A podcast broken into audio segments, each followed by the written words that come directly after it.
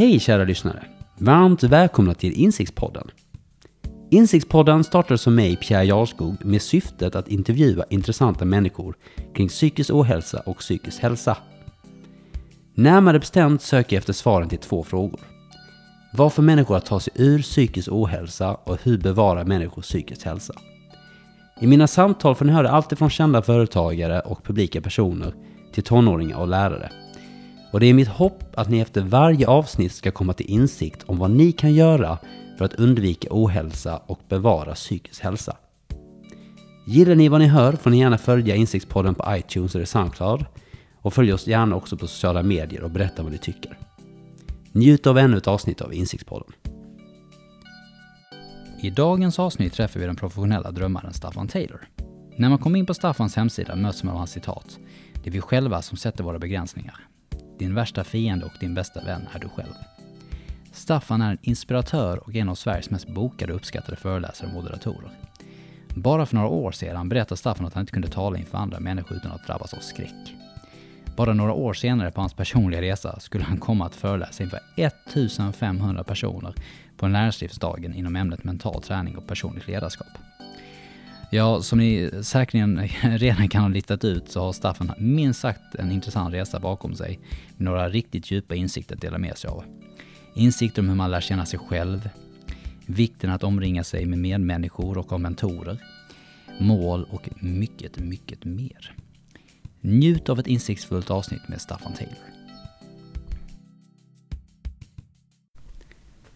Varmt välkommen Staffan! Tackar så hjärtligast. Kristoffer um, Wallander som uh, var en gemensam vän till oss, men också första gästen i podcasten, rekommenderade mig starkt att uh, prata med dig.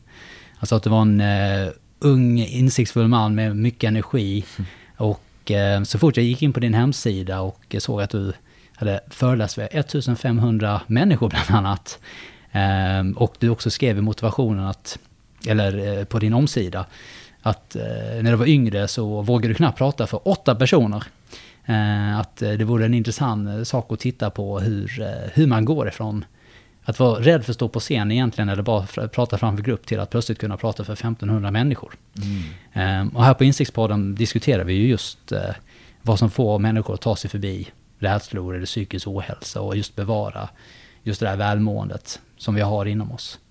Eh, och jag tänkte Staffan, du får jättegärna börja med att berätta lite vem du är och eh, hur din resa kom att eh, börja helt enkelt. Mm, tack så mycket och underbara Kristoffer Wolander är en stor inspiration till mig också att följa sin passion. Så shout out till Mr Wolander. Och backar vi bandet i Staffan Taylors liv så Kollar vi på 1980 så träffades min engelska far Andrew, eh, min svenska mor Marie på en grekisk restaurang på ön Ios en eh, tisdagkväll har de återberättat och där uppstod kärlek utan att berätta hela den här kärleksberättelsen. Men 11 år senare så föddes jag och därav så heter jag Staffan i förnamn och Taylor efternamn, så halvbritt och uppvuxen i Helsingborg med rötter då från Liverpool också vill jag tillägga med kära Beatles-gänget och kompani. Så ehm, Staffan heter jag, uppvuxen i Helsingborg. Kollar man på en bakgrund, det första som kommer till mig är att delge kring, som jag fick lära mig på lite senare år, att det finns olika arbetsklasser i England som inte jag var införstådd med för bara ett par år sedan. Och min kära far som jag fått en närmare relation till ju äldre jag blivit och fått mer förståelse för hans resa och uppväxt har varit. Så kommer han då från working class och eh, tackade ödmjukt och trevligt eh, tack och bock till skolan. när Han var 15 år gammal. Då sa han till sin lärare Mr Wilson att uh, “Thank you sir for this time in school, I would like to quit school but it's been an honor being here” och så skakade han hand och uh, hoppade av skolan och arbetat som varvsarbetare under 50 års tid. Dels i Landskrona, i Liverpool, i Stockholm, Göteborg och uh, under sin tid. Och jag vet inte varför jag började med det detta, men det bara kom till mig i alla fall. Kring kontrasterna kring vad jag själv gör i alla fall. Så jag kommer från en bakgrund kring working class Liverpool, Helsingborg med en kärleksfull moder och fader som har stöttat och supportat under en innebandyuppväxt. Och någonstans i att hitta sig själv på resans gång så har jag idag, x antal år senare, eh, gått från att vara en person som har tyckt saker varit väldigt läskiga, som haft en trygghet och kärlek i hemmet, Eh, någon form av grund kring att ha support och stöttning i en sport och passion som innebandy. Jag har en familj som supportar och servar inom det området. Men en stor rädsla kring vad ska andra människor tycka och tänka om mig när jag lämnar områden som jag inte är säker inom eller områden som inte jag känner mig trygg inom. Och var en expert i många år på att hålla mig inom det säkra.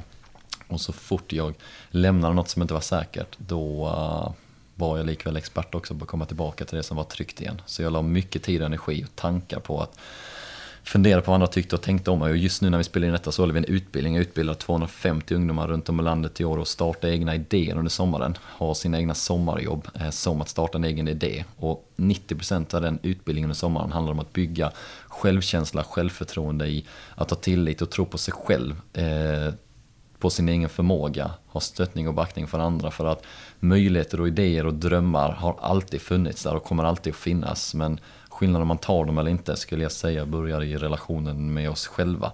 Så det, den resan jag gör idag då jag är en av Sveriges mest bokade unga talare och reser runt om i landet en två gånger i veckan ish började någonstans med att när jag började utveckla relationen till mig själv. Så där kom en födelse från 1980 i grekiska restaurangen till min födelse 11 år senare, 91. Till att idag jobba med det jag gör, dels inspirera och utbilda ungdomar under sommaren. Eh, men annars på vår och höst så föreläser jag om självledarskap och inspirerar medarbetare, inspirerar universitet. Varit på många av landets universitet, Handelshögskolan i Stockholm och Chalmers och Lund. Och vad de nu än må heta, har en kurs i Tyskland en gång per år eh, för tyska universitetsstudenter där de får eh, universitetspoäng till och med. Jag är lite mallig och glad att jag har min egna kurs på Münster University i Tysklands fjärde största universitet om jag vill minnas rätt till minnet. Eh, där jag håller en kurs i just självledarskap och sätta personliga mål. Och eh, har gått från en resa kring att vara väldigt rädd till att utmana mig själv. Du nämnde tidigare från 8 personer till 1500 personer och det är väl det jag är mest stolt över också, att besegra rädslor. Och har blivit expert på att höra när människor säger jag kan inte eller det går inte. Och det är det jag gillar allra mest med den här sommaren också, när jag möter ungdomar och säger jag kan inte, det går inte. Och då säger man vänta nu, vadå kan inte?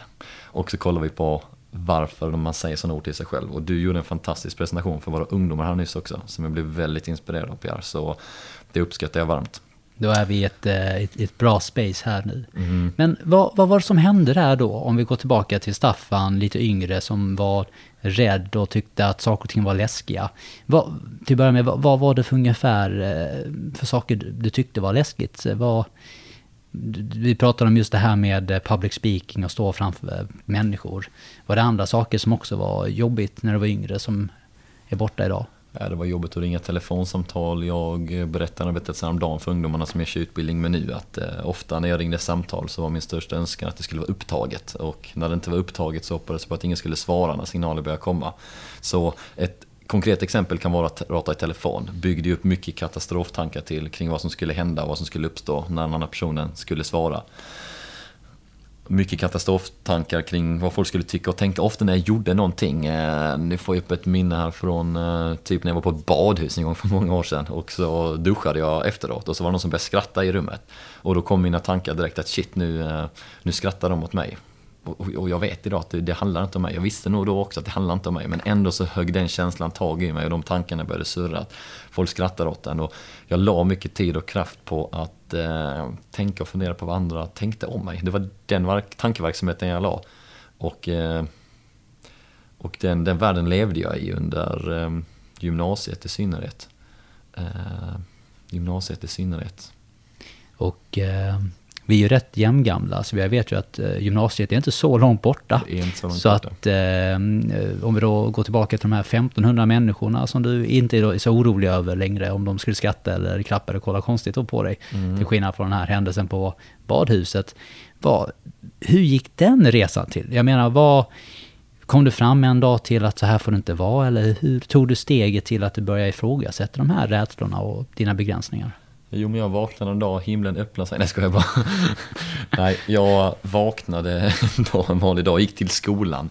Och så eh, när jag satt på en vanlig lektion i skolan, marknadsföringslektion med min lärare Kenny, eh, minns jag tillbaka till. Och då säger han att det finns någon från näringslivet som gärna vill vara mentor åt åt några här på skolan och är man intresserad av det så kan ni skriva upp ert namn på denna lappen. Och så skickades en lapp runt i klassrummet, jag skrev ner mitt namn, längre historia kortare, ett par dagar senare fick jag träffa Niklas Folkesson som blev min första mentor, en person som driver ett eh, utbildningsföretag som är ledande till att tillhandahålla UGL-utbildningar, ledarskapsutbildningar, utbildningar för att få chefer och ledare att växa i sina olika roller. Och han var lite trött på att bara jobba med äldre vuxna människor och vill engagera sig i den unga världen. Och där satt jag Eh, i gymnasiet sista året och eh, tänkte på innebandy, trodde jag hette innebandy nästan, åt innebandy, men jag var innebandy för att det var bara innebandy jag hade i mitt fokus, sen hålla mig i det som kändes tryggt och bekvämt. Eh, men när jag skrev ner mitt namn på den lappen så tyckte jag det var lite spännande, att säga, mm, men mentor eller näringsliv och för någon anledning, jag kan inte säga varför, men jag skrev ner mitt namn på den lappen att jag skulle gärna vilja träffa den personen. Och där började, där började, där började min resa, där är det mest, och detta har jag reflekterat och tänkt på många gånger, men jag kan eh, leva mig tillbaka till den dagen, jag kan leva mig tillbaka till första gången jag träffade min mm, första mentor Niklas och eh, vad som hände med mig i första mötet med honom. Och nu när jag tänker på det så kan jag se rummet framför mig också. Att eh, på min gamla skola i Helsingborg, Nikolajskolan, så kliver jag in i ett rum upp för ett par trappor, kommer in och när jag kommer in i rummet så möts jag av Niklas som har på sin stilig kostym och han skakar hand med mig och säger välkommen och börjar ställa frågor till mig kopplat till, ja men Välkommen, jag kommer hålla på med coachning och utbilda väldigt professionell och tydlig och proffsig. Jag visste inte, jag hade inte varit i kontakt med den formen av coacher och ledare tidigare utan det var framförallt lärare, innebandyvärlden och sen kära engelska far Andrew och eh, mamma Marie som stöttar och supportar men inte en annan värld kring mål och drömmar. Så han började ställa frågor till mig. Vad, Staffan, vad, vad, vad drömmer du om? Eller vad har du för mål? Så jag bara, ja men innebandy liksom. Innebandy var det som, det som var på tungan och i tankarna i huvudet. Och jag identifierade mig också som med innebandy. När jag lämnade mötet med honom så frågade han efter min mailadress och min mailadress på den tiden var innebandymannen. Ah, Snabbelahoppman.com, det var innebandy fullt ut. Och, eh, och det som hände i det mötet och började hända i mötet med just min mentor Niklas, dels var det någon som trodde på honom fullt ut och lyssnade på honom till 100% kring vad ens drömmar var för att jag kunde inte svara på den frågan. Och när frågor kom som vad är du rädd för eller vad har du för hinder och motstånd? Eh, då kom det naturliga svaret kring att nej men jag är inte rädd för någonting eller nej men jag har inte så stora rädslor, nej det är ingen, det är ingen fara. Eh, så att, att det var inte någonting som man satt ord på för det är inte någonting vi i regel talar om skulle jag säga, det är inte någonting vi vågar lyfta fram, det är någonting som inte talas om i klassrum och skolor. Vi kan gå i en eh, klass med någon kanske i tre år och inte känna personen så väl efter tre år. Vi kan ha utbildning här i en vecka med dessa ungdomarna och man känner dessa personerna bättre än vad man gör med vänner man har känt i tre, fem år. Eh, och eh, det är inte mycket mer än att vi delar mål och drömmar, vi delar rädslor och vad som hindrar oss från att komma dit vi ska nå. Eh, vad vi omger oss med för människor runt omkring, vad som är viktigt för oss, vad vi vill uppnå, vad är vårt varför?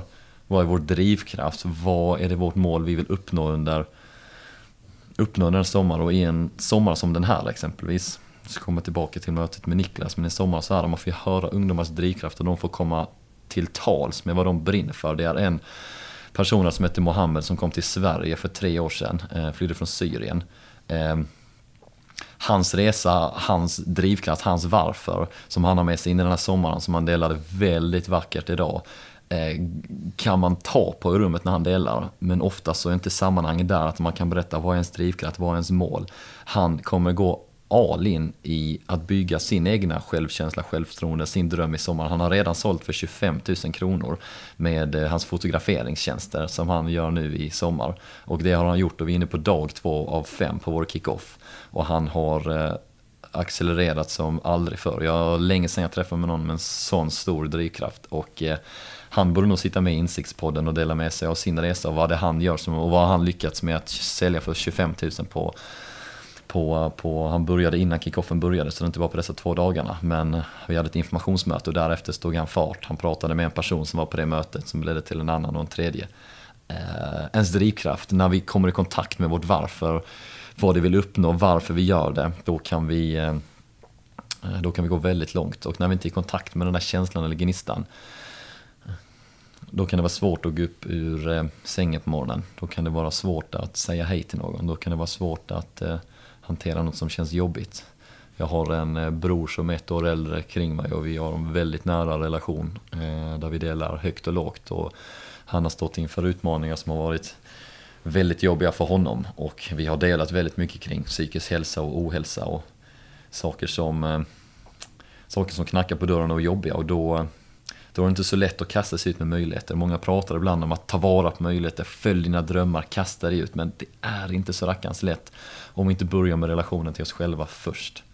vi måste börja med relationen med oss själva först. Det, det tror jag på till 100% utifrån min egna resa. För att innan jag träffade min mentor så hade jag talat om drömmar, jag hade talat om mål, jag hade talat om eh, mentorer, jag hade talat om skolor, företag. Men det jag själv gick och tänkte i banor på det var idrottslärare. Jag hyllar alla lärare som finns i vårt avlånga land. Varför jag hade idrottslärare, kopplingen kan nog folk redan räkna ut nu, det var ju med innebandy. Jag hade det var min trygga zon. Och när kan vi vidga den och utvidga den så kan vi ta det på ännu mer. Vad brinner vi? Vad har vi för passion? Vad brinner vi för? Eh, så min mentor, han, han trodde på mig så enkelt. Så det jag gör nu är att jag springer omkring och tror på folk. Och ju mer jag tror på folk så växer folk. Och när folk växer så börjar de hända fler grejer. Så tror de på andra och så och så. Så, så tron är en viktig första, första steg. Vad skulle du säga att... Eh, vad var det egentligen Niklas visar visade då? Du hade någon som trodde på dig. Men jag tänker... Att tro på någon, det är, det är såklart viktigt. Man kan ha en familjemedlem, en kompis eller en mentor, vad den är. Men ändå ta sig från det att allting är läskigt till att ta sig ur. Vad, vad var det du såg i dina samtal med eh, Niklas som hjälpte dig? Kan, eh, minns du det? För jag antar att det är ju samma sak som du lär andra idag. Dels, eh, det är det absolut. Eh, delar av det som fanns i mötet med Niklas från början, de fortsätter att finnas med mig. Och att öva på att inte ta sig själv på för stort allvar och att inse att man kan misslyckas. Och att man kan inse det på riktigt, man pratar ofta om att misslyckas. Och en fråga jag brukar ställa till skolor och företag som jag talar inför, det är att är du beredd på att göra något dåligt till en början för att bli bra på det sedan? Och jag tror inte folk alltid är beredda på det. Att vi lever i en relation med oss själva och med vår omgivning i ett perfektionistisk värld där det behöver vara 10 av 10 innan det ens börjar. Ungdomar vågar inte kliva fram och presentera för att de tror att det ska vara 10 av 10. När ungdomar är med i våra utbildningar så brukar vi berätta för dem att när ni kommer hit så får ni betyget A. När ni lämnar sen i augusti kommer ni få betyget A också. Här är endast betygssättningen A i den bemärkelsen att ni får misslyckas hur mycket ni vill. Vi uppmuntrar till att det går fel. När vi gör någonting fel eller något blir annorlunda här, då delar vi ut high-fives till varandra. Och man behöver dela ut en high-five till någon inom 10 sekunder. Och det uppmuntrar jag styrelser och företag och organisationer till att implementera också. För att jag vågar påstå att folk inte vågar acceptera misslyckanden. Det pratas kring att vi ska ha en kultur, att vi ska våga misslyckas. Det står i pärmar och dokument att vi ska våga misslyckas. Lever vi efter? Nej, det tror jag inte. Eh, ser jag att vi lever efter det? Nej, det upplever jag inte. Eh, lever jag efter det själv? Svar i mångt och mycket. Ibland så kan den inre kritiken vara lite hård mot mig själv också.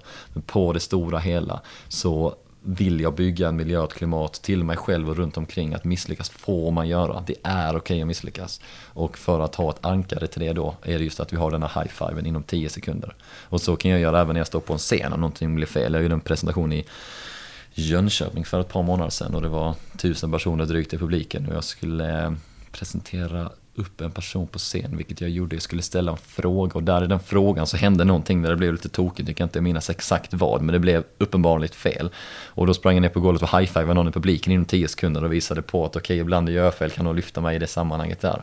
Att visa på att det måste få gå fel. Och det vill jag leva efter när jag står på en scen, det vill jag leva efter när jag är med vad, det vill jag leva efter när jag är med kompisar, det vill jag leva efter när jag möter dessa ungdomar. Att ni vi vill att ni gör fel, vi uppmuntrar att vi gör fel. Vi vill att ni ska öva och lära att det är okej okay att göra fel. För det är så hårt inpräntat att vi får inte göra fel. Och när jag börjar prata om det så är det också den drivkraften jag kommer från från början. Att jag var så rädd för att göra fel. Jag var så rädd för vad folk skulle tycka och tänka om mig. Och när jag väl nu har distanserat mig från det så känner jag en sån tacksamhet och lättnad inom mig. att Shit vad skönt att inte behöva lägga eh, flera timmar varje dag med att gå och oroa mig om det ska bli fel gud vad skönt att inte jag behöver lägga den kraften på det. Jag kan lägga den kraften åt någonting annat istället. Och delar av den kraften är att inspirera andra till det. Att det är okej okay att göra fel. Det är okej okay att ha ett mål och en dröm. Det är okej okay att vara rädd för saker. Eh, det tycker jag är viktigt. Så med det då, att det var okej att göra fel, var det, blev det då en, inte drivkraft att göra fel såklart, men blev det då en, någonting som föll bort som en begränsning för dig då, en rädsla som du tillät dig ta därifrån? För om vi då tar det från att man börjar acceptera att göra fel, hur kom du in på banan av att hjälpa andra då med de insikterna som du fick längs vägen? För som du säger då, idag jobbar du med detta heltid. Du inspirerar ungdomar, eh, företag, ledare. Hur tar man sig därifrån, från bara att inse att det är okej okay att göra fel? Mm. Hade du då, för du säger ju du hade en innebandybakgrund egentligen. Var kom det här med att du ville ge detta till andra? Var det som en del av att du själv såg mer? kan summera storyn så kan vi gå in på någon del mer om vi önskar det. Träffa min mentor Niklas, blir själv inspirerad kring att sätta mål och börja utmana rädslor och börja komma i kontakt med att det är jag själv som kan skapa min omgivning, det som sker runt omkring mig. Och jag började arrangera frukostträffar på Wallmans salonger i Helsingborg där vi bjöd in andra talare. Så Robert Lillhång, en person som har skapat filmen i hat i Göteborg, var där och delade med sig av sin berättelse. Vi hade personer från Königsegg, vi hade personer från olika organisationer för att de skulle komma och dela sina berättelser. Då var inte jag heller den som presenterade upp de som skulle prata, utan jag var en person som välkomnade folk, hängde in jackor i garderoben. Mina två andra kompisar Eh, Mattias och Raymond eh, var med och arrangerade. Mattias var den som ofta presenterade upp vem som skulle tala, Raymond var den som hälsade in folk välkomna och de hade också Niklas som mentor då, så vi började arrangera dessa träffarna. Och där började någon form av start, ett engagemang kring att shit, jag arrangerar en egen träff. Och det är därför jag tror vikten också av det vi gör på sommaren med ungdomar, att det är kopplat till ett projekt och en idé. Så att man inte bara sitter hemma och funderar på vad man ska göra eller funderar på och tänker att jag är grym som jag är, vilket är helt fantastiskt också, men att man också går in i action då och funderar på okay, hur kan jag implementera detta i verkligheten. Så när jag började bygga ett projekt så började jag få mer en självförtroende kring att shit, det här kan jag också göra. Flera började se då att shit, Staffan engagerar sig i detta, Staffan skapar detta. Och dels då kom också negodiler som jag kallar det för, nego, negativa krokodiler. Det är negodiler för mig. Personer som går och kritiserar och säger vart är du på väg? Och det är ju väldigt tydligt för mig att så fort vi börjar lämna en grupp någonstans så börjar det hända någonting i den gruppen. Och eh, det började hända också sista året på gymnasiet kring att folk kanske började ställa frågeställningar kring vad är det du gör egentligen? Och gör du detta för att få bra betyg och började raljera och kalla så entreprenörsstaff som mitt smeknamn var Staff så? Jag kommer ihåg att det var någon som, någon som refererade till det. Och, eh, och eh, där början fick man möta hos sig själv också. Vad innebär att stå fast vid sin dröm och sin idé. Och där kan jag säga att utan en mentor eller en person som har gått resan och varit själv med om det Eh, då är det som en djungel. Ni som sitter och lyssnar nu här, många av dessa saker är ju så självklara för oss. Några av sakerna behöver bli påminda om. Eh, jag levde i en ensamhet på gymnasiet och tror att jag var rädd för vad andra tyckte och tänkte om mig. Och eh, så fort man bara förstår att fan, jag är inte själv om det. Hela världen förändras ju då. Från att gå till att man är ensam och tro att saker är läskiga eller att man är ensam och tro att man kommer fallera eller att inte tro på sig själv, att må dåligt eller att något är jobbigt. Ofta tror vi att vi är ensamma om detta, vilket inte alls stämmer. Det gäller ju dig och mig och så, så fint som du delade här tidigare, att det gäller oss, till oss alla. Vågar vi visa det lite mer? Vågar vi vara lite mer sårbara? Jag har en fantastisk eh, väninna som heter Lo Rossling som har föreläst i över 30 år, hon är 70 plus nu och helt bedårande. Hon har skrivit en bok som heter I ljuset spricker alla spöken i ljuset spricker alla spöken och då menar hon på då att när det är mörkt så får spökena styra dels i vårt huvud eller i vårt rum eller vad vi än har för metafor kring det. Men också kring när vi har spöken inombords, saker som är jobbiga. Saker som är läskiga, vi har ett missbruk, vi har ett problem med någonting, vi är rädda för någonting, vi oroar oss. Så fort vi säger det, så fort det får komma ut, då, för, då spricker spöket. Och det tror jag på att våga dela och berätta att någonting är läskigt, någonting är jobbigt. Ja, definitivt min upplevelse det är, det är lustigt hur ensamma vi kan känna oss i den här världen i allmänhet, i vilket problem vi än har. Mm. jag tror framförallt det här med eh, psykisk ohälsa nu idag, att vi är de enda, vi tror att eh, det är bara vi som tycker det är jobbigt eller att eh, det är vi som har drömmarna eller vad den är. Men börjar man prata med varandra så märker vi att ja, vi är exakt lika osäkra allihop ungefär och vi skulle alla behöva en hjälpande hand då och då. Och, mm. det, bara det här att prata. Och eh, det kan vara att hitta din lokala visa person, om det är din eh, farbror, eh, mamma, kompis eller vad den är. Och bara dela från hjärtat ibland så märker man att eh, det finns hur mycket hjälp som helst att få där ute. Problemet är just när du går runt med eh, de här spökena inombords hela tiden och tror att de ska försvinna av sig själv. Men lustigt nog kan det bara vara att prata för att släppa in ljuset i min, i min upplevelse. Eh, så att eh, det delar jag med eh, helt och hållet. Så jag, jag tror att din historia där från badhuset av att någon skrattar eller var det så, ja, någon började skratta när du hade gjort något. Eller vad sa du på badhuset? Skulle bara duscha liksom och så, så började någon skratta. Jag kom bara på exemplet nu från top of my. Ja, och det, Mm. det, och det, det är någonting jag också definitivt tror att, eller som jag är säker på att folk känner igen. Det vill säga att man, man, man tänker hela tiden på vad andra tänker om en. Men det faktum är att alla andra går runt med exakt samma tanke. De Mm. går också runt och tänker vad, du, vad folk tänker om. Exakt ja. Eh, och det är därför det är lite lustigt att det första som händer om man eh, trillar och gör bort sig, det är att eh, istället för att tänka på att det gjorde ont eller vad som hände, så kollar man vad- vilka som såg det. Mm. Men jag menar, det, sanningen är att folk är så upptagna med sina egna bekymmer och problem att vi glömmer, glömmer slappt bort att vi inte är ensamma om de tankarna. Det tror jag går att öva på verkligen. Det är svårt att stoppa in det i ett Excel-dokument, det är svårt att sätta in det i en paragraf. Men att öva på att inte ta sig själv på för stort allvar, att våga misslyckas i det vi gör. Att okej, det får gå fel. Är man beredd på att göra det dåligt till en början för att bli bra på det sen. Om man börjar öva på det så förstår man sen också att livet går inte under och det är fler som är rädda som du säger.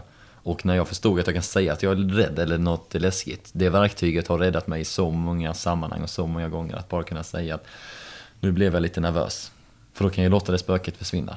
Ja. Istället för att gå och hålla uppe det hela tiden, vilket jag gjorde förr. Att jag gick och håll uppe, håll uppe, håll uppe, håll uppe, håll uppe, håll uppe. Och det är det som vi vill att ska pysa ut ur människor och att man ska kunna känna mer kontakt med sig själv. Definitivt. Men längs den här resan då, att du, eh, du går tillbaka lite grann här, att du började med eh, grabbarna, körde de här träffarna och annat. Vad, vad gick det då för, till att du själv började prata och eh, hjälpa andra? Blev det, kom det också då under gymnasiet redan, eller hur, eh, jag menar, hur, hur, vad hände efter det? Jag tog, jag tog studenten eh, 2010. Och under sommaren där så sökte jag in till en entreprenörstävling som skulle vara i Malmö under ett halvår. Och jag var en av 15 som blev antagna där. Då var egentligen att man skulle vara mellan 20 till 30 år för att vara med där. Jag var själv 19 då och det var som Dragons Den draknäste-presentationer vid fem olika tillfällen. Och då hade jag också min mentor med mig. Och när jag ringde och berätt, frågade min mentor, min mentor kan du vara min referens? Jag ska söka in till detta programmet. Jag är, ett, jag är ett år yngre för man får vara det egentligen. Men jag är så jäkla taggad, det är precis det här jag vill. Det här, det här vill jag så gärna göra.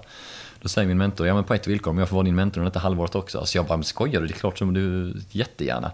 Så då blev jag antagen där som den yngsta deltagaren. Och började utmana mig själv kopiöst i ett halvår där med att ta fram en egen företagsidé och jobbade med två andra som vi blev ihopkopplade med efter vi gjorde ett IQ-test och ett EQ-test för att se vem som synkar bäst med vem. Och efter ett halvår för att summera, summera ner den storyn i att utmana sig och våga så vann vi den tävlingen och fick vara med på nyheterna och allt vad det hette. Och då såg min gamla rektor mig från gymnasiet och tänkte shit på en fritt där är ju Staffan Taylor, vad har hänt med honom typ i princip? Och han återberättat eh, Christian som han då heter. Så han ringer mig och frågar, hej Staffan, hade du kunnat komma och hålla en presentation för oss här hur det kom sig att du lyckades vinna? Så jag, ja, men absolut kan jag göra det, svarade jag. Och samma sekund som jag sa absolut så kände jag inombords bara, oj shit, vad sa jag ja till här? Så jag håller min första presentation på en lunchföreläsning för ett äldre sammanhang, eh, snittålder kanske 50 år, och delar min berättelse och story som jag gjorde då. En väldigt naiv presentation kring att ha dina tre grundstenar kring att göra saker som är kul, stod det tror jag. Gör, Sätta upp saker som, sätta upp ett mål, omge dig på vet, Jag bara började med det, jag hade börjat snappa upp från mentorn och folk tycker det var väldigt uppskattat. Två personer började gråta och folk började skratta. Jag bara shit, något hände i detta rummet. Trots att jag inte kunde äta upp potatismosen innan det skulle börja för att jag hade svårt att äta eh, innan jag var så nervös. Jag fick inte ner mig någon mat. Så jag kände att shit, det här kändes ju kändes väldigt bra. Någonting hände i rummet. Och jag började skapa positiva associationer att stå inför en grupp. Eh, vi kan prata ännu mer om hur jobbet jag tyckte det var under skoltiden och så, men vi har egentligen redan berört det. Eh, men jag, eh, jag våndades över det. Jag blev expert på att inte tala inför andra människor och summerat där är att har man ett par upplevelser från någonting som är jobbigt, då börjar vi inbilla oss att det inte kommer att gå. Martin Seligman, en psykolog, kom 1967 fram till någonting som heter learned helplessness, inlärd hjälplöshet. Vi intalar oss själva att det här inte kommer att gå. Det här kommer inte fungera. Carol Dweck, en kvinna, pratar om growth mindset och fixed mindset. Superintressant om ni vill kolla vidare på detta. Eh, det jag var i då, som jag kan säga i efterhand, det var att jag var i ett väldigt fixed mindset. Jag var bestämd på att det inte skulle gå. Jag var i learned helplessness, jag var hjälplös kring att jag kan inte göra något åt min situation. Min mentor hjälpte mig se att jag kunde förändra och utveckla. När jag fick en positiv upplevelse, när jag föreläste för dessa 50-åringarna, två personer började gråta, några började skratta, då började jag bara shit, vilken injektion på kontot av att mina föreställningar om vad jag kunde göra inom detta krossades och mentorn höll mig i handen. Det är fortfarande den tydliga kopplingen. Jag hade inte vågat gå upp ur sängen på morgonen och gå och göra den presentationen själv. Jag hade inte vågat söka till den här utbildningen i Malmö själv. Jag hade inte vågat arrangera de här träffarna på Valma salonger själv. Jag hade inte tagit de där första stegen. Därav så tror jag det är så viktigt på att vi har någon som stöttar oss, hjälper oss. Jag tror inte på att ensam är stark. Jag har aldrig trott på det, jag kommer aldrig tro på det. Jag tror inte vi är starka själva. Jag är inte stark själv. Än idag jag är inte stark själv. När jag är nervös och orolig, jag ringer mina kompisar. När jag känner mig eh, ledsen, jag uttrycker det till någon. När jag känner mig stolt, jag berättar det för någon. Ensamheten i att dela allting detta här, det mår vi inte bra av skulle jag säga. Vi är en av de mest ensammaste länderna i världen också. Och jag tror inte på att leva i en ensam värld. Pamodo, en nära vän till mig, leadsinger i Panetos, de som känner till Dansa Pausgänget, eh, gambianskt eh, påbrå, han föddes i Gambia. Han har berättat om uppväxten kring att bo tillsammans med andra och vakta varandras barn och vilken gemenskap det finns i det, kring att stötta och hjälpa varandra. Och så, eh, så sa han att det är intressant Staffan, att tänk dig att det bor 10 miljoner människor i Sverige. Ändå så finns det människor som är helt ensamma. Det är 10 miljoner människor i vårt land och ändå finns det människor som i denna stund är helt ensamma. Det är sorgligt och så ska det inte behöva vara. Och jag tror som Lo Rossling säger, ljuset spricker alla spökena. Det börjar med att vi ber om hjälp, vågar be om hjälp. Vågar vi inte det så är det helt underbart när någon annan tar första steget och erbjuder hjälp eller vågar lägga en klapp på axeln eller se en annan människa eller möta en annan människa. Och det är det som är en stor drivkraft hos mig. Att se och möta andra människor och tro på människor till 100%. Jag berättar min agenda under en sån här sommar till dessa ungdomar att denna sommar kommer jag tro på er till 100% under hela sommaren. Ni får ett A när ni kommer dit, ni får ett A när ni lämnar härifrån. Jag berättar mina egna berättelser och berättar att nu ska ni starta igång era egna idéer. Eh, mycket handlar om att ni ska växa och era egna resor. Det får gå fel Eh, men det är era resor och vi kommer tillsammans växa under sommaren. Så bjuder vi dit gästtalare, bland annat Pierre Jarlskog från Insiktpodden och eh, eh, andra talare. Mm. Jag, jag, precis som du så, så läser jag också en hel del och man ser ju rätt tydligt just det här med varför stamsamhällen och dylikt har funkat tidigare. För att det, du hade en sorts närhet och ett syfte när man levde i de här gamla stamsamhällena har man sett att eh, du hade en funktion i samhället. Och jag tror att dit vi har kommit idag, precis som du pekar på, just det här att ha folk nära, eh, folk som man tar hand om, inte vara ensamma. Att det är en stor del av den psykiska ohälsan vi har, för att vi är upptagna i våra huvuden, vi har den tiden och det är ju lätt att titta runt omkring sig om man är ensam och också känna att någonting är fel, va? Eller att någonting inte är som det ska vara. Um, och även det här med att vi har ju allting vi vill nästan i väst. Va? Det är klart att det är roligare med en snyggare bil eller eh, mer pengar på kontot eller mer Thailandsresor eller vad det nu kan vara. Men just det här med att känna ett riktigt syfte, jag tror också många eh, känner att det kan vara jobbigt ibland. Vad ska jag göra? Så här, vad, vad är min plats?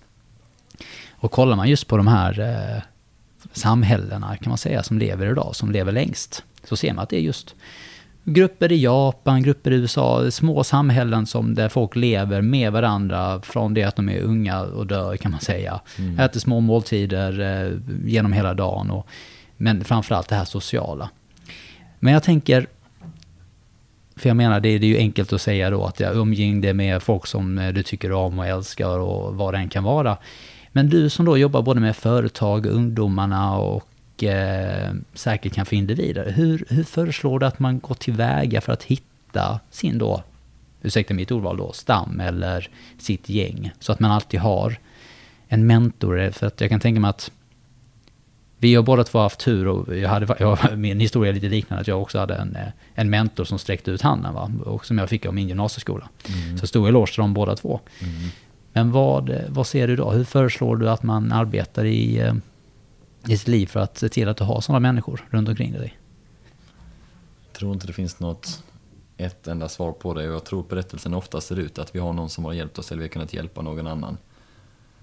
Jag tror på ärlighet väldigt mycket, att våga vara ärlig och sann. Och det är läskigt, men innerst inne så kan vi alla hitta den kraften när vi är sanna mot oss själva eller mot andra människor. Och den kan vi bara själva svara på när vi är sanna mot oss själva och när vi vågar skala av och lyssna inåt och känna efter att mår jag bra av detta? Öva på att känna in sin egna inre kompass. Eh, ju mer vi kan öva på det desto mer sanna kan vi vara oss själva.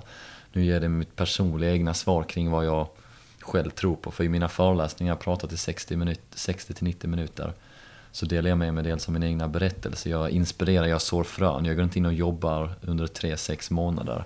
Jag ser mig själv som en person som delar berättelse, en person som inspirerar, öppnar dörrar, en person som får folk att samverka och komma lite närmare varandra i rummet. Att efter jag lämnar efter 60 minuter så har detta företaget eller så har denna gruppen kommit lite närmare varandra. På en sommar så här så jobbar vi under två månaders tid med ungdomar och då hinner det hända mer och komma längre i sitt arbete. Men jag skulle säga att våga vara ärlig mot sig själv och den resan när man kommer till den insikten att våga vara ärlig mot sig själv och sann mot sig själv. Jag tror den ser så olika ut från oss alla och när vi kommer i kontakt med den. Och för vissa låter det som grekiska och för vissa låter det som danska och för vissa låter det som solklar svenska om man är flytande på vilket språk man än är flytande på. Och eh, eh att så när man vågar vara sann mot sig själv, när man vågar släppa garden. Jag har en systerson som är två år gammal. Han är otroligt sann mot sig själv. Han uttrycker det, jag träffade honom i förrgår nu och skulle ge honom en kram. Och han valde att inte ge mig en kram. Och jag blir så sjukt stolt, tycker det är så jäkla vackert av att se att shit, här har vi en människa som vågar sätta sin egen gräns. Vid två års ålder och säger, nej men jag vill inte ha en kram just nu. Jag ställde en fråga idag till ungdomarna, hur många här har fått en kram av någon någon gång och gett en kram till någon någon gång när han inte velat ha det? Alla räcker upp handen och jag tror att ni som lyssnar nu kan relatera till den också. Där har vi inte sanna mot oss själva, där tummar vi på våra egna behov. Och det är det jag kallar för självledarskap också. Att lära sig leda sig själv. Vad är det jag behöver just nu? Vilket är ett av verktygen. Så det finns nog inget universellt ett svar på det. Utan det är nog en resa som ser olika ut för oss alla. Kring om det är att arbeta på att jobba med våra egna behov, sätta våra egna gränser. Kolla på vad vi har för rädslor eller vad vi har för mål. Eh, jag tror att eh, för att eh, komma mer i kontakt med det och bli mer påminn om det som vi har kanske kunnat veta sedan tidigare, som min syster som två år gammal som är expert på att uttrycka sina känslor, hur hon mår och, och hur han känner, är att ha personer som kan hjälpa oss bli påminn om det. Och det är det jag upplever på kursen under sommaren också, även om det handlar om att starta egna företag och köra igång sina egna business och någon är här för att tjäna pengar och så, så handlar det om att resan som jag var inne på tidigare, för att kunna starta ditt företag och det ska växa och flyga, så någonstans måste relationen till dig själv vara med längs resans gång. En drivkraft, en vilja och den kan se den kan se olika ut, eh, men att ha en egen drivkraft. En stor inspiration till mig nu också är Erik Bergman, grundare av Catena Media. Så jag igång kasinoverksamhet och hade en stark drivkraft till att tjäna pengar och det lyckades han med och fick in över 100 miljoner på sitt konto nu nyligen och kom fram till att lyckan i hans egen resa var inte pengarna. Han hade sin drivkraft till att tjäna pengar och det lyckades han verkligen med. Han använde den drivkraften till det. Nu idag så har han helt vänt bana och har köpt en domän som heter great.com för en miljon dollar eh, i syfte att arbeta med välgörenhet. Och eh, Erik är en kär vän och hans ord, om jag ska förmedla till er som lyssnar här och nu, är att hans varför har ändrats längs resans gång. Ni som lyssnar nu, han, jag har ett varför just nu, den kan ändras längs, längs resans gång. Mitt varför, jag berättade för dig tidigare, eh, har sett olika ut också. Innan var jag helt beslutsam på att jag skulle bli en av de mest bokade talarna i landet. Eh, det blev jag det är inte mitt stora mål och varför längre. Jag tycker det är kul, jag tycker det är roligt, jag älskar att möta publiker. Men inte det så är min drivkraft längre och den ändrar längs resans gång. Så ni som lyssnar, kan bara, min egna tanke kring det, det är att eh, resan ser olika ut för oss alla. Men att våga prova, våga hoppa, våga vara sann mot sig själv. Våga vara modig och göra saker som är lite pirriga. Göra saker som är lite pirriga. För vissa kan det vara att vara snäll. För vissa kan det vara att säga någonting som är känslosamt. För någon annan kan det vara att ställa sig på en scen. Eh, men att våga hoppa. Nu provpratar jag här, men det är det jag känner. Våga hoppa. Hopp eller hoppa. Nej, men det, det tror jag är... Jag tror att alla, alla vi som lyssnar, vi, vi har ju någonting vi vill göra. Men vi kan få sitta på och vänta på rätt ögonblick eller rätt känsla och så vidare. Så att, att eh, bara ta hoppet och lära sig att det kommer aldrig kännas som rätt ögonblick. Det finns mm. alltid någonting som kommer vara i vägen, min erfarenhet. Och hitta någon att hålla i handen när vi hoppar. Ja. Jag tror väldigt mycket på det. Ur min egen berättelse och ur de jag har mött och nu delar du också att du hade någon som stöttade dig. Jag är helt övertygad om att ni som lyssnar nu också, om ni tänker på någon som ni minns tillbaka på som har hjälpt er eller stöttat eller inspirerat er, så har vi i regel ofta någon sån person som har trott på oss och tänker att de personerna finns det desto fler av också. Och det är det hoppet och tron jag går med av att människor jag möter vill mig väl. Och eh, det blir lite roligare och enklare att tänka att jag är inte ensam. Eh, det ger mig drivkraft och, och mod till att våga när jag själv är väldigt rädd och när jag själv är väldigt orolig. Mm. Så min talarkarriär eh, gjorde den presentationen för det här sällskapet i 50 plus-åldern. Började göra gratisföreläsningar därefter runt om i Skåne på gymnasieskolor. Hörde av mig till skolor. Eh, var i kontakt med en organisation som heter Transfer som förmedlade talare till gymnasieskolor. Gjorde ett 30-tal föreläsningar på gymnasieskolor helt gratis, kostnadsfritt. Skapade upp en organisation tillsammans med en före detta mentor och några andra eh, för att inspirera ungdomar till att tro på sig själva och sina idéer. Den organisationen växte, ungdomar växte, vi fick resultat och kommun, stat, och region gick in och finansierade, företag gick in och backade upp. Vi hade träffar en gång i månaden med över 100 ungdomar som kom på våra träffar.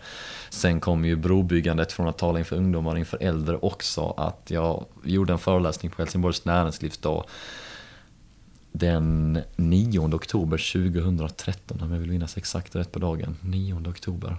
Och då var det 1500 personer. Och då hade jag mina tanketroll att shit, vill folk, vuxna, riktiga, levande människor lyssna på mig? Det slutade med att det, det blev väldigt bra. Jag fick 1500 människor att ställa sig upp och dansa och gjorde en eh, övning kring att gå in i både höger och vänster hjärnhalva och det blev väldigt lyckat. Bara nu för ett par veckor sedan så var det en person som kom fram till mig i stan i Helsingborg och tackade mig för den föreläsningen. Jag blev helt chockad av att den ekar fortfarande men någonstans så hände något i det rummet att Staffan Taylor vågade ta ett hopp som han aldrig hade vågat ta tidigare. Jag eh, spydde den morgonen också kan jag tillägga och jag tror inte på att folk ska kastas ut i en panikzon, panikzon och göra saker som är extremt läskiga. Jag tror man ska utmana sig i lagom dos. Eh, men där den dagen utmanade jag mig eh, lite extra och var väldigt nervös. Valde att göra det ändå och ehm, gick rätt in i det och det gick rätt ut till de som var där. Fick över fem betalda uppdrag efteråt hos företag som personer kom fram och ville att jag skulle komma till deras personal och prata om självledarskap och mål och drömmar och rädslor och inspirera dem till att komma lite närmare varandra och närma sig själva för att kunna förhålla sig till medarbetare och kunder och ha sitt sätt att jobba på med självledarskap hos individer som jag kallar det mer i ord idag om man backar från, när vi talat mycket omkring yngre dagar och framåt. Att idag har jag mer ord på det jag kände och upplevde då och det jag tagit mig förbi och igenom och är i. Eh, så det blev mer och mer. Och sen så har den resan fortsatt. Jag kallar mig själv för en professionell drömmare. Eh, vissa personer ibland hör det och tänker att shit, han måste vara arbetslös. Några andra reagerar och säger fan vad underbart, hur blir jag det? Eh, jag hittade på ordet själv när jag spelade in ett YouTube-klipp på min kompis Simon och sa Staffan du är någonting mer, du är inte bara entreprenör och föreläsare. Han bara du är en drömmare och så kom jag fram till professionell drömmare. Så att jag har valt att följa eh, min passion till att inspirera och lyfta andra människor. Och eh, den resan har fortsatt och nu 2018 så gör jag det jag gör.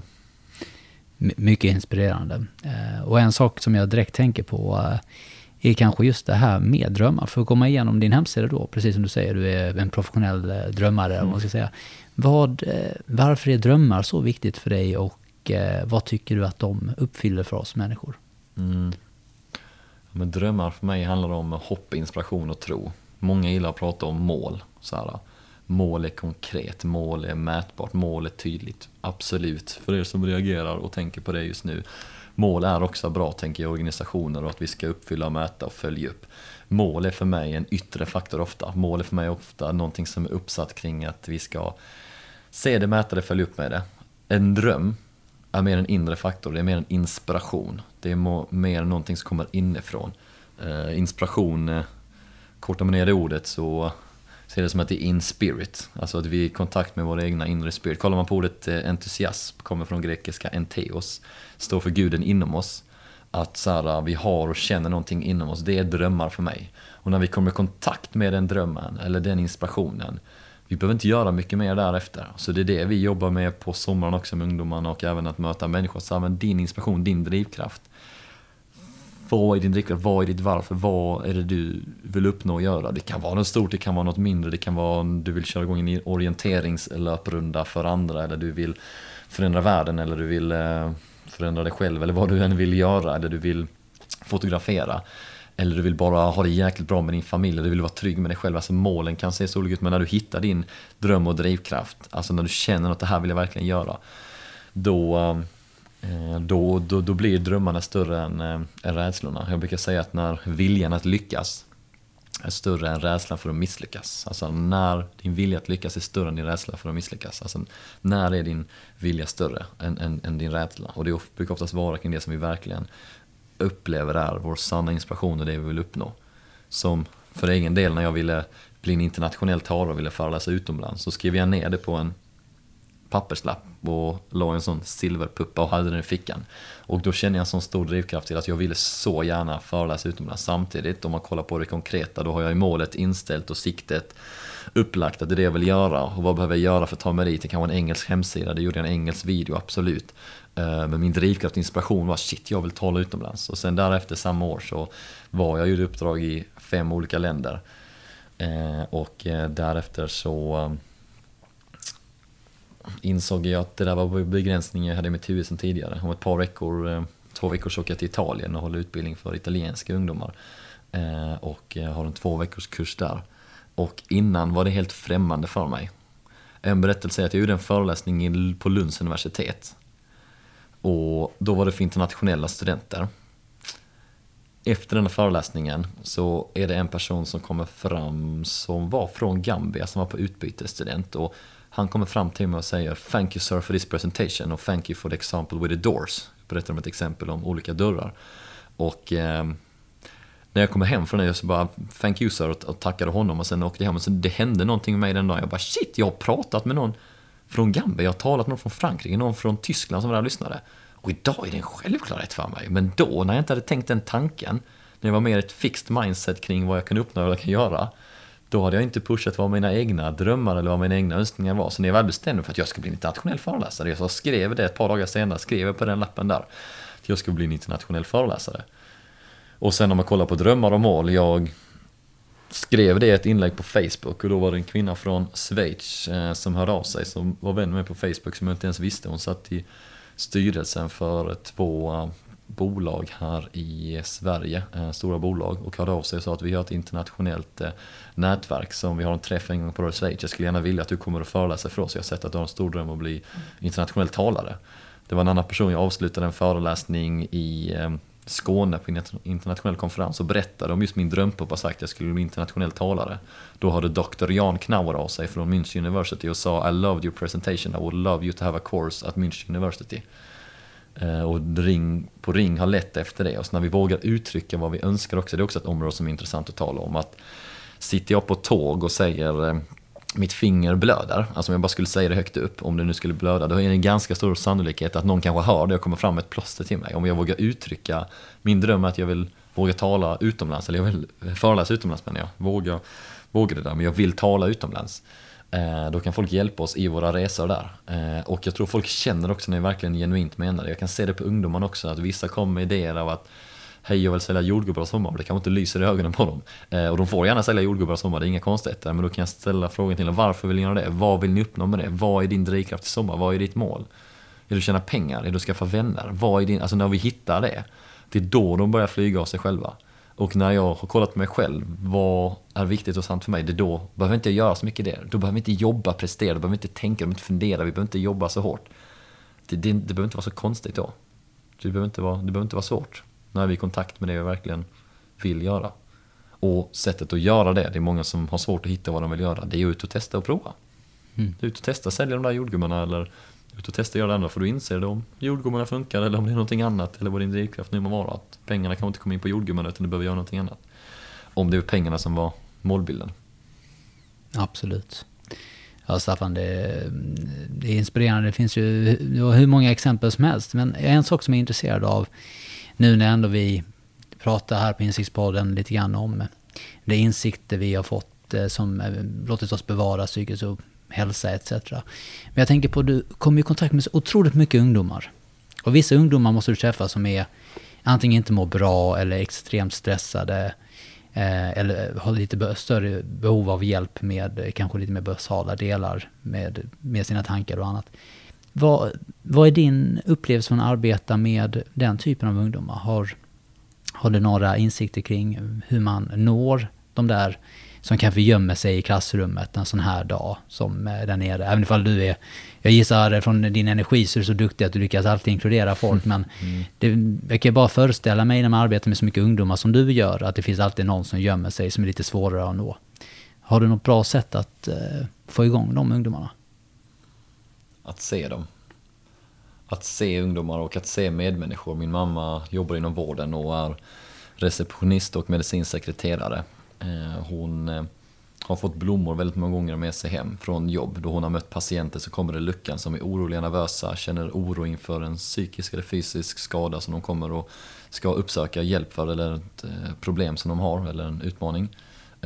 Min morsa har varit fenomenal i 30 års tid att möta människor i luckan i receptionen. Hon har fått väldigt många blommor under uppväxten och jag har vuxit upp med att sett att mamma kommit hem med blommor och en lapp som jag minns i synnerhet på en blomma, där står det Tack Marie för att du såg mig. Tack Marie för att du såg mig. Exakt de orden där handlar om att möta ungdomar, pensionärer, medmänniskor, att se människor. Att se människor tror jag är det enda det handlar om. Det är ingen rocket science som vi gör under sommaren. Det är ingen rocket science jag gör på mina föreläsningar. Du sa att jag är väldigt bra på att inkludera, det tackar jag för. Och jag skulle säga att det är en av mina superpowers också, att se människor och möta människor, välkomna människor. För det behövs inte så mycket mer och jag vet om hur det känns i min kropp när jag inte är välkommen och välkomnad. Jag vet om hur det känns i min kropp när jag är välkomnad och välkommen in i ett rum. Är, vi alla kan känna på det, det kan ni känna här också. Vi alla har möjligheten och kraften att göra som någon annan känner sig välkommen och välkomnad. Jag brukar göra experiment också när jag åker tunnelbana eller pratar i telefon eller jag har en regel när någon telefonförsäljare ringer mig och jag inte vill köpa någonting så är mitt mål att alltid göra den andra människan lite gladare än vad hon eller han var innan personen ringde och samtidigt kunna avsluta samtalet inom 30 sekunder om det är så att jag inte vill ha någonting. Så att hela tiden kan den lämna en efterkänsla hos en annan människa som är lite bättre. När jag åker tunnelbana i Stockholm, det var nu för ett tag sedan så just denna berättelsen över ett år sedan så var det någon som kom in tidigt en morgon och jag säger så här bara välkommen, välkommen säger jag till en person och hon bara börjar skratta av glädje liksom. Jag bara, ja, jag är välkomstansvarig i denna vagnen säger jag för jag hade inget att göra, Jag tänkte det var kul att göra lite experiment och hon blev hysteriskt glad och vi fick en sån, fick ett sånt möte på en väldigt kort tid. Nu går jag inte kring att göra detta hela tiden, men väldigt ofta och flera gånger i veckan, även när jag skulle ringa Swedbank är ett annat exempel eh, som eh, jag delade tidigare för ungdomarna eh, i veckan kopplat till att jag skulle ringa och göra en grej hos Swedbank för när det nu var och en vanlig eftermiddag så är det någon som svarar hej det är Eva från Swedbank och jag säger hej världens bästa Swedbank och världens bästa Eva, mitt namn är Staffan. Och hon svarar hej världens bästa Staffan. Att det är så enkelt att se en annan människa och möta en annan människa, det behövs inte så mycket. Det behövs så rackans lite. Det behövs så rackarns lite. Och det är det vi gör under dessa veckor och det är det jag gillar att göra, springa omkring och tro på människor. Sen efteråt när vi springer omkring och tror på människor, då kommer långa meddelanden på Facebook och på Instagram och på andra platser där folk säger Tack att, min, tack att ni har hjälpt mig öka min självkänsla och självförtroende den här veckan. Vi skulle starta företag med folk, och det är det som är idén under sommaren, men relationen till oss själva måste vara med där. Så då kommer meddelanden kring att min självkänsla ökat, min självförtroende ökat, jag har fått nya vänner, jag har hamnat i en positiv omgivning. Eh, det är eh, en person som inte hade klarat skolgången under väldigt många års tid. Som eh, hade diagnosen ADHD. Och att då kunna se det som en superpower och en kraft. Att det är okej okay att du får ett A och ett A när det kommer ett A när det går. Du får göra exakt vad du själv. Att känna den friheten och se och bli bekräftad för det. Folks tårar börjar rinna då. Bara att vi säger till folk att du är okej okay och du är bekräftad här och nu. Du får vara här. Det är lugnt så alltså bara att lämna den lugna känslan. För att som du var inne på tidigare också, som jag förstod sen också, att jag inte jag är inte och jag var inte ensam. Jag är inte ensam för jag kan fortfarande oroa mig om vad folk tycker och tänker om mig. Jag är inte ensam om det. Och att våga dela det med andra, det släpper en sån pysande luft inom oss som bara kan göra att vi kan slappna av och då kan vi också börja fokusera på våra drömmar och mål och då kan vi bygga våra bolag oavsett om man vill bli som Erik Bergman eller om man vill bli någon annan entreprenör eller någon som vill bygga något. Johanna Lassnack, en stor inspiration som har startat Ryttarinspiration, en fantastisk sida som inspirerar ryttare inom mental träning och positivt tänkande. Hon är en kickass entreprenör och även Balkis Kattab eh, under namnet Lamis som är som en av ledarna här på den här kickoffen. Eh, grundare av Mullans Basement här i Malmö. Fantastisk inspiration också. Att när vi kan komma i kontakt med våra drivkrafter, då behöver vi inte göra så mycket mer. Men jag tror att hålla i handen, det blir någon form av röd tema på detta samtalet här. Att hålla någon i handen. Definitivt, och jag tror att... Eh, jag menar, om ni inte har någon att hålla i handen, vänner, så är det bara att höra av er till mig och Staffan, så, så löser vi det. Men förhoppningsvis har vi alla någon där, och eh, som du säger, längs livet så... Eh, om vi verkligen letar så hittar vi också folk som alltid varit där. Mm. Men jag tänkte om vi går tillbaka för det, för du säger ju det att när du har de här jobbiga stunderna, jobbiga tankarna, så är det ofta att du just slår en signal till en kompis eller dina mentorer eller vad det kan vara, så att, för att ta sig igenom vissa bitar. Mm. Har du andra saker du gör när du vaknar upp en sån där, en sån där dag utan inspiration? För jag tror att många av oss, vi kan, ja, vi kan få känna nu ska vi skriva den här boken, eller nu ska vi eh, sluta med våra vardagsjobb, eller inleda den här relationen. Och sen kommer de där dagarna då det bara känns som att nej, det, nej jag fixar inte detta. Nej, jag, man, man går upp i sin osäkerhet och det, det rinner ut i sanden när det blir aldrig av. Jag menar, jag tror att många av oss är experter på bra idéer, men vi är rätt dåliga på att utföra. Vad har du flera bra tips till de som lyssnar just kring hur du ser till att vara där du är i en bra känsla eller hur du undviker att göra en dålig känsla problematisk? Jag har slutat eh, tro på mina tankar.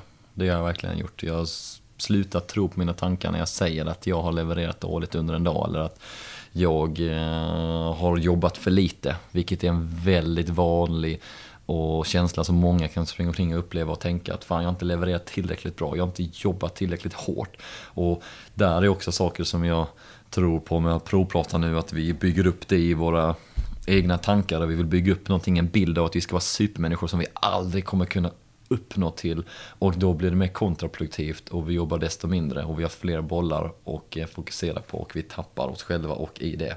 Så det är att vara snällare mot sig själv och inte tro på tankarna när de hårda orden kommer. Som kommer till mig också. När jag kan vakna en morgon och kicka igång en dag och om jag kickar igång dagen för sent exempelvis då kan det vara så nu satan i gattan eh, måste jag börja dagen. Att plocka bort ord som måste, eh, leverera, prestera. För vissa blir utmanande när jag säger detta, vissa älskar det och man får själv fundera på det. Jag brukar säga att i en, i en, i en presentation eller en podcast som denna, att presentationen och intervjun, den sker ju i allas huvuden som lyssnar här också. Säger jag ordet falafel kommer några av er tänka fan vad gott med falafel och någon annan kommer tänka oh jag är supermätt och jag vill inte äta mer. Eller någon tredje säger att eh, jo men jag driver en egen eh, falafelleria, hittar på ett ord nu, Nej, men jag driver en egen sån. Det är det där jag känner mina, alltså ni eh, reagerar olika på det som sägs. Jag tror inte så mycket på att prestera, jag tror inte så mycket på att leverera, jag tror inte så mycket på att kämpa hårt. Jag jobbar väldigt mycket. Jag lägger mycket passion i det jag gör. Eh, jag vill göra det med lätthet. Jag vill låta det komma inifrån och det har kommit när jag varit snällare mot mig själv och inte trott på mina tankar att jag måste leverera och prestera. För några av er hör detta så är det första gången och det låter eh, som grekiska, hon inte kan ett enda ord grekiska. Någon annan kanske tänker, fan nice, jag tänker så också. Eh, någon tredje kanske tycker helt olika. Det som har funkat för mig, det som fungerar för mig, det är att vara snäll mot mig själv och det har jag fått öva på och öva fortfarande. När jag upplever att jag borde ha förberett mig mer, när jag upplever att jag borde jobba mer. Alltså, nej men Staffan, jag har aldrig blivit mer produktiv när jag har slagit mig själv. Motståndet har bara vuxit då. Ju hårdare jag har slagit och desto starkare ut mig själv, desto större har motståndet blivit och desto längre har jag procrastinatat, desto längre har jag fått vänta med att göra sakerna. När jag har varit snäll mot mig själv och låtit det komma, varit snäll och sagt att det, alltså det kommer när det kommer. Och det behöver inte betyda att man ska vänta en månad på det, men det brukar oftast komma mycket snabbare för mig då. Det kanske det tar en 20 minuter. Fan, men det är inte så konstigt Staffan, det är lugnt. Jag behöver sova kapp lite nu. Jag har varit i fyra olika städer på fem dagar eller vad det än har varit. Eller jag har rest mycket. Eller så det är klart du ska sova lite Staffan. Då blir kroppen, oj schysst, kroppen var snäll mot mig här nu. Och att distansera sig från mina egna tankar där som kommer. När de där hårda tankarna kommer. För de, de gör oss inte så mycket bra definitivt jättemycket visdom där och eh, jag håller mycket med just det där i form av hur jag själv förhåller mig till just mina tankar. Eh, att inte ta en själv på alldeles för stort allvar eh, gäller definitivt min, mina egna tankar, att inte ta dem på alldeles för stort allvar. För att eh, jag tror vi alla är gemensamma att vi tänker saker och ting som är galna då och då. Eh, som vi till och med vet att, ja, det, ja nej, det, där, nej, det ska jag inte göra någonting åt. Och sen plötsligt ser man sig själv i spegeln och så bara tycker man att fan vad jag är dålig eller eh, man misslyckas med projekt och sen plötsligt är allt det sant. Mm. Jag börjar, börjar inse det där att precis på samma sätt som jag inte tar de där tankarna på stort allvar så behöver jag inte röra vid allt jag hör i mitt eget huvud. Jag mm. kan låta det vara, och som vi alla vet, jag menar vi har alla varit med om tillfällen som har varit jätteläskiga, fruktansvärda, kanske till och med tillfällen vi inte tror vi skulle åter, återhämta oss från, som ett krossat hjärta eller någon mm. som har dött. Ändå sitter vi här idag, förhoppningsvis hyfsat välmående och har tagit oss förbi det. Så att, att tid läker alla sår, för mig är rätt mycket det att du kommer börja tänka på andra saker förr eller senare. Och de mm. andra tankarna som du haft tidigare som var så jobbiga, de kommer börja betyda andra saker längs vägen. Men en sak på din hemsida som jag tycker vi kommer lite i kontakt med här var att du skrev att du har framförallt utforskat kopplingen mellan hjärna och hjärta. Mm. Det låter som en riktig professor där. Ja, nej men... eh, Och jag hör lite grann att du just... Du pratar ju väldigt mycket hjärta i allmänhet när du pratar här. Och du gick in nu på hjärna, just det där med dina tankar. Kan du prata lite grann vad du menar, just det där kopplingen mellan hjärna och eh, eh, hjärta och vad det betyder för dig? Mm, jag tänker att världens längsta halvmeter, brukar jag prata om bland annat, världens längsta halvmeter i denna värld, det är den, om ni kan illustrera med er vänster hand uppe vid huvudet och er högra hand nere vid hjärtat. Det, den sträckan där, mellan huvudet ner till hjärtat, det är världens längsta halvmeter. Det kan vara sjukt lång och gå ner och faktiskt kunna känna efter vad som är viktigt för oss. Om man vill så kan man ta den ner hela vägen ner till magen om man vill ha den halvmetern. Att kunna känna efter och vad som är vår intention, vad som känns rätt för oss, vad som känns sant, när brottas det med våra värderingar, när är det just en rädsla och en tanke som spökar hos oss. Och för mig är det världens längsta halvmeter, att ta med båda båda delarna, både vårt hjärta och vår hjärna, både våra idéer, våra tankar, våra strategier, planer, så här, vad vi kan strukturera upp och fundera fram till vad vi vill göra. Eh, men också att kunna känna efter och ha en tillit i stunden på vad vill vi uppnå. Om man kollar på min resa som talare så gick det ifrån att dels ha väldigt mycket koll och planering på hur jag ska lägga upp det till att idag gå med på tilliten på vad som finns i rummet. Och de inspirationerna som jag har som talare, de gör det också väldigt mycket och det därav i min egna värld så blir jag inspirerad av dem som kan ställa sig där. Bland annat Lo Rossling, en fantastisk människa och talare som ställer sig på en scen och kan beröra, inspirera, få människor att verkligen komma närmare. Hon talar från sitt hjärta och hon har inte manuset med sig. Manuset finns i hjärtat i den bemärkelsen. Och det finns en kraft i det. Och det handlar om att våga släppa taget tror jag. Att våga ha tillit på att vi löser situationen. Att förstå att vi har alla resurser, allting som vi behöver, att vi ska klara av den här situationen som vi kommer ställas inför. Den här dejten vi ska gå på, eller den här presentationen vi ska göra, den här arbetsintervjun, intervjun, den här arbetsintervjun, den här arbetsintervjun vi ska på. Att förstå att du har allt som du behöver. Såklart ska du förbereda vem det är du ska gå på möte med, vem personen är. Eh, vilken kontext är det? Fundera och tänk på det, absolut. Men sen ha tillit till att saker kommer lösa sig. Så arbetar jag i rollen som moderator. Så arbetar jag i rollen som konferencier när jag har personer uppe på en scen. Att jag möter dem, ser dem, hur känner de? Att vara väldigt närvarande i stunden. För då blir det ett möte på riktigt. För jag har ingen aning om hur den personen kommer mötas eller kännas eller se. Jag var på konferencier på SM i Ung Företagsamhet, för de som känner till det, för ett par veckor sedan. I Stockholm. Och då var det alltifrån VD för Walt Disney i Norden till Sveriges näringsminister och prins Daniel och allt vad de heter. Förutom prins Daniel, där var vi tvungna att ha frågorna skickade till hovet sedan tidigare. Eh, men eh, bortsett från de frågorna där så är det väldigt mycket intention för att kolla på hur mår människan som är på scenen? Är han eller hon nervös? Hur eh, rör de sig? Hur svarar de på första frågan jag ställer? Det är som att ha en karta över New York medan du är i Stockholm. Ska du leda dig genom New York fast du har eh, kartan över Stockholm. Ni förstår liknelsen, när man har en kompass. Då spelar det ingen roll om du är i New York, Stockholm eller, eller eh, Gambia eller du är i Finland eller vilket land eller stad du än är i. För du har kompassen med dig. Så jag tror mycket på att göra ditt förarbete. Lägg upp det du behöver veta, strukturera, planera. Sätt din ram. Är du inte själv bra på det, jag själv är inte det min alltid starka sida, ta hjälp av andra som är väldigt duktiga på det. Och sen öva på att ha din egna tillit och ha din egna kompass och karta kontra kompass där. Det är för mig hjärtat och hjärnan. Ha med dig kartan, ha med dig kompassen. Um, mm. Kompassen är hjärtat i detta fallet. Kartan är i sådana fall hjärnan där. Den behövs också för att kunna se viss information, kunna se öppettiderna på butikerna eller kunna se hur långt det är mellan de olika sträckorna. Eh, kompassen är till för att kunna känna och navigera vilken väg vi ska gå. Det är hjärta och hjärna för mig. Definitivt. Det är ett utmärkt svar. Vi, eh, vi känns Staffan, du och jag som har en gemensam intressen, att vi skulle nog kunna sitta och snacka så här i Mm. fyra timmar. Så Ja, att, eh, det, är, det är någonting vi får unna oss också någon gång. Men jag, jag tänker lite grann, vi går tillbaka till här, till eh, em, psykisk hälsa och psykisk ohälsa. De som kanske sitter just nu och lyssnar och tycker att livet är lite tråkigt och lite jobbigt och lite grått och ändå känna att det här inte är... Eh, det, det, det känns att jag hör vad han säger men jag vet inte vad jag ska göra. Har du några så här sista bra ord du skulle kunna lämna dem med i form av vad de skulle kunna göra efter det här, sam- efter det här eh, intervjun och den närmaste tiden som skulle kunna hjälpa dem ur det där, till, det där, in, det där tillståndet där spökena eh, överöser ljuset för att hjälpa till att eh, släppa ut ljuset. Mm. När jag får långa meddelanden på Instagram eller på Facebook, de kan vara korta för den delen också, men jag får meddelanden om jag upplever att någon har stora utmaningar eh, inom det psyk psykiska, då rekommenderar jag alltid att uppsöka professionell hjälp med psykolog eller någon inom vården som kan hjälpa en och skapa ett program eller kan hjälpa en i den resan som de är på. Så det är min första uppmaning till om någon känner att en stark oro, om en medmänsklig medskick från mig som jag vill skicka med, det är att fundera på vilket som är ert steg att ta som känns OK.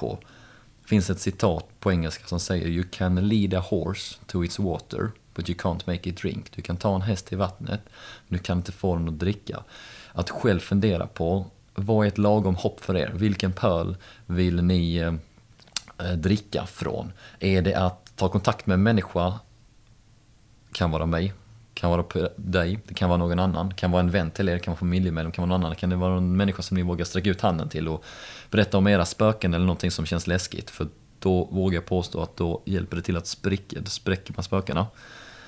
Men fundera på vad är ditt steg? You can lead a horse to its water but you can't make it drink. Det är så individuellt för alla som lyssnar med att fundera på vilket, vilket steg skulle du vilja ta? Vågar du ta? Uh, vilket steg känns modigt för dig att ta? För mig idag talar inför många människor, jag är inte modig där längre. För det, är någonting, det är någonting jag gör nu som jag verkligen gillar. Jag var väldigt modig förr när folk kritiserade mig och eh, sa att jag var för ung för det jag höll på med. Eller de, de skrev på Facebook om getta jobb. Då var jag modig, Staffan, 19-20 år, som sa nej men jag, jag står upp ändå. Idag kan jag vara modig på andra områden. Om det är en nära vän eh, som jag känner en inte backning från som hände för en två veckor sedan eh, på en fest uppe i Stockholm. Där det var några vänner från Helsingborg som jag ändå upplevde som ganska nära vänner som uttryckte att jag känner inte riktigt full support de uttrycker det så kring det jag gör och eh, raljerande och folk som gjorde narr av mig bakom ens rygg. Och då blev jag, då blev jag ledsen och kände att där, där behöver jag ta lite distans kring att vad behöver jag göra? Det, det är någonting som känns lite läskigt och jobbigt och, eh, och tog på mig. Ehm, så vi har våra olika områden och där behöver jag ta ett beslut då att okej, okay, men vill jag ha med dem på min resa eller inte? Och det beslutet där valde jag då att jag blev tyvärr ett par vänner färre och det kan låta dramatiskt. Eh, för då jag inte ovän med dem skulle jag säga. Jag skulle säga att detta är personer som jag har vuxit upp med i Helsingborg. Detta är personer som jag eh, har kanske spelat innebandy med. Detta är personer som har varit eh, där och det det är personer jag växte upp med. Jag räknar inte dem som mina nära vänner som jag kanske trodde. Jag blev lite ledsen där när jag fick höra det som hade uppstått kring ett raljerande bakom rygg. Så där behövde jag vara modig och ta mina beslut. Eh, ni kan själva bara bestämma vad, vad, det, vad, är, vad, vad är modigt nog för er att göra? Är det att höra av sig till någon? Är det att fundera på ett mål? Någon annan kanske behöver söka upp hjälp. Någon annan kanske bara är taggad på att fortsätta med sin idé. Ni är på olika nivåer, ni som lyssnar. Någon kanske driver företag, någon kanske är arbetslös, någon kanske är arbetssökande, någon kanske är ny i Sverige. Någon är kanske ur en hjärtrelation eller på väg in i en relation eller vad det än må vara, hjärtkross eller på väg in i en relation. Att det, det, det, är så individuellt men att eh, fundera på vad vågar du själv göra för att you can lead a horse to its water but you can't make it drink. Man måste själv fundera på vad är mitt steg? Och det säger vi till ungdomarna här också, vi kan inte leda er någonstans, ni kan bara leda er själva. Det är samma med mig också, jag kan bara leda mig själv.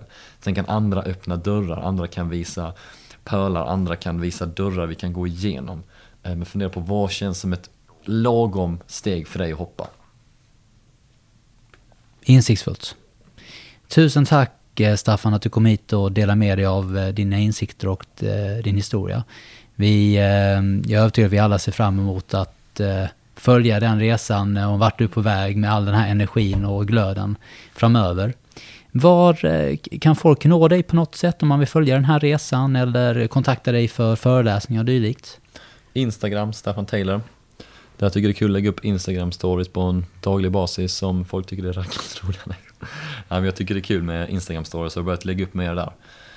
Min mail givetvis hello staffantaylor.com Även min hemsida staffantaylor.com Så där kan man höra av sig för bokningar och bokningsfrågor när det kommer till tal. Men har ni någon fråga eller hej eller vill skriva någonting från den här podcasten eller annat så kan ni höra på Instagram eller via min hemsida.